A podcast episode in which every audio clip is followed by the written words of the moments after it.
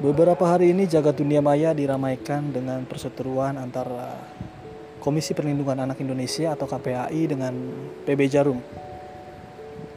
Di Twitter, dua hari lalu sempat menjadi trending topik tagar bubarkan KPAI dan tagar PB Jarum jangan pamit. Beberapa orang terlihat reaktif menanggapi KPAI. Mereka menganggap apa yang dilakukan oleh KPAI dinilai membunuh potensi atau bibit-bibit unggul atlet bulu tangkis Indonesia. Namun ternyata juga menganggap apa yang dilakukan KPAI tersebut sudah tepat. Lalu sebenarnya apa yang terjadi?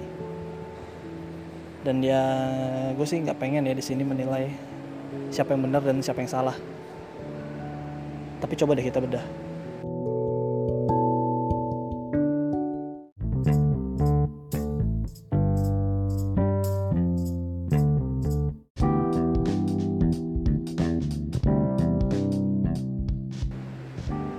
PB Jarum mengeluarkan keputusan yang mengejutkan di akun Twitternya bahwa tahun ini menjadi tahun terakhir PB Jarum menggelar audisi. Itu artinya pada tahun 2020 mendatang PB Jarum tidak lagi menggelar audisi untuk anak-anak. Audisi beasiswa uh, bulu tangkis untuk anak-anak. Jadi alasan PB Jarum menghentikan audisi, audisi tersebut yaitu untuk uh, apa ya menanggapi adanya desakan dari KPAI yang menilai bahwa PB Jarum melakukan eksploitasi anak lantaran mempromosikan jarum yang identik dengan produk rokok.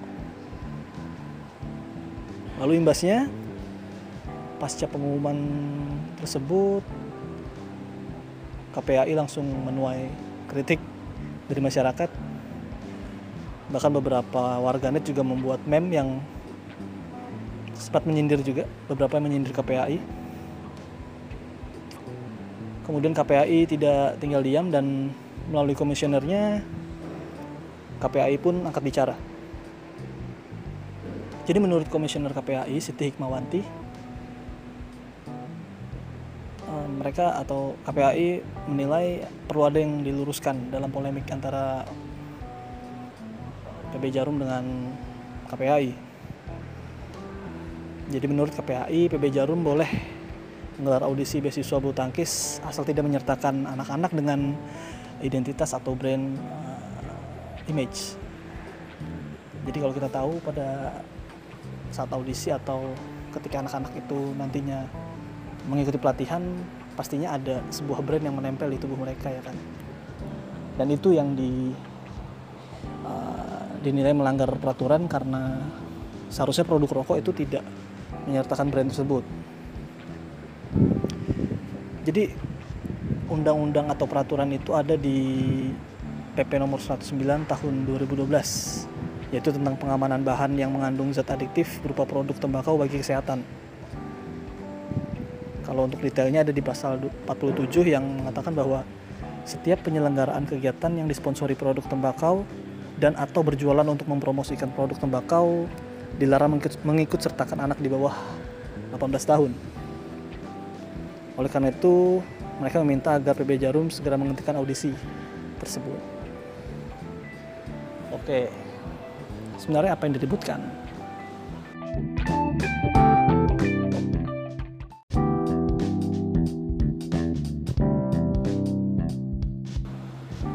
Uh, kalau gue melihatnya begini,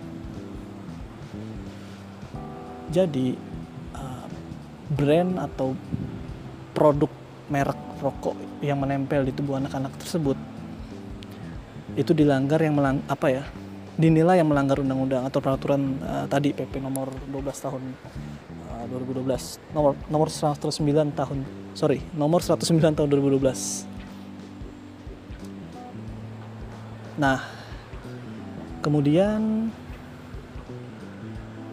kalau kita lihat secara substansi ketika brand tersebut dipakai oleh anak-anak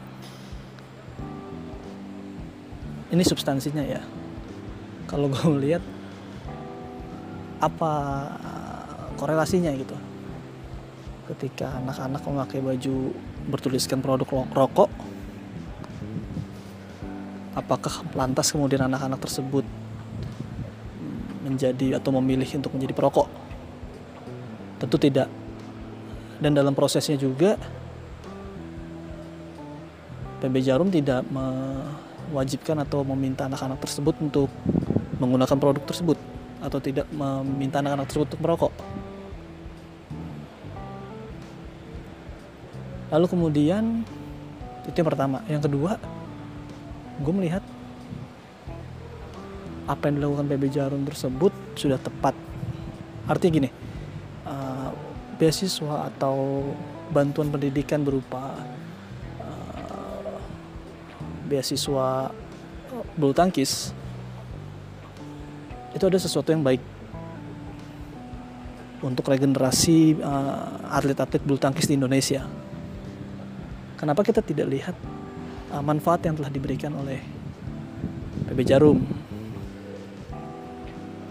Nah, namun gue juga memahami posisi KPAI sebagai lembaga yang tentunya mengacu pada undang-undang yang berkomitmen untuk melindungi anak-anak di Indonesia. Tidak salah, karena memang undang-undang mengaturnya seperti itu. Di mana undang-undang mengatur bahwa anak-anak tidak boleh dijadikan eh, iklan rokok bahkan kita tahu sendiri iklan iklan rokok di TV pun juga tidak tidak menampilkan rokok ya kan dan karena KPAI bekerja atas itu maka tidak salah ketika KPAI mengingatkan jarum hanya saja masyarakat itu dia terlalu reaktif entah tidak tahu adanya aturan tersebut atau memang sudah tahu tapi dianggap salah. Nah, solusinya apa? PB Jarum mungkin bisa mengganti brand, bukan mengganti brand sih, artinya gini. Beasiswa bulu tangkis Jarum mungkin masih bisa dilakukan, tetapi dalam prakteknya tidak menempelkan atau tidak mau apa ya tidak ada atribut rokok yang dipakai di anak-anak. Mungkin itu bisa dilakukan. Kan tapi kalau kita lihat lagi apakah PB Jarum mau mengorbankan itu karena kan setiap kegiatannya itu dibiayai oleh PB Jarum artinya apa yang dilakukan selama ini mungkin cukup membantu penjualan karena kan ada brand di situ. Tapi ketika ketika nantinya beasiswa atau uh, apa ya pendidikan bulu tangkis tersebut nantinya pesertanya itu tidak menggunakan seragam bertuliskan PB Jarum atau Jarum atau apa pun yang mengasosiasikan pada produk rokok apakah itu memberi untung bagi PB Jarum? Lalu kemudian atau cara kedua yaitu dengan merevisi undang-undang. Karena banyak tafsiran.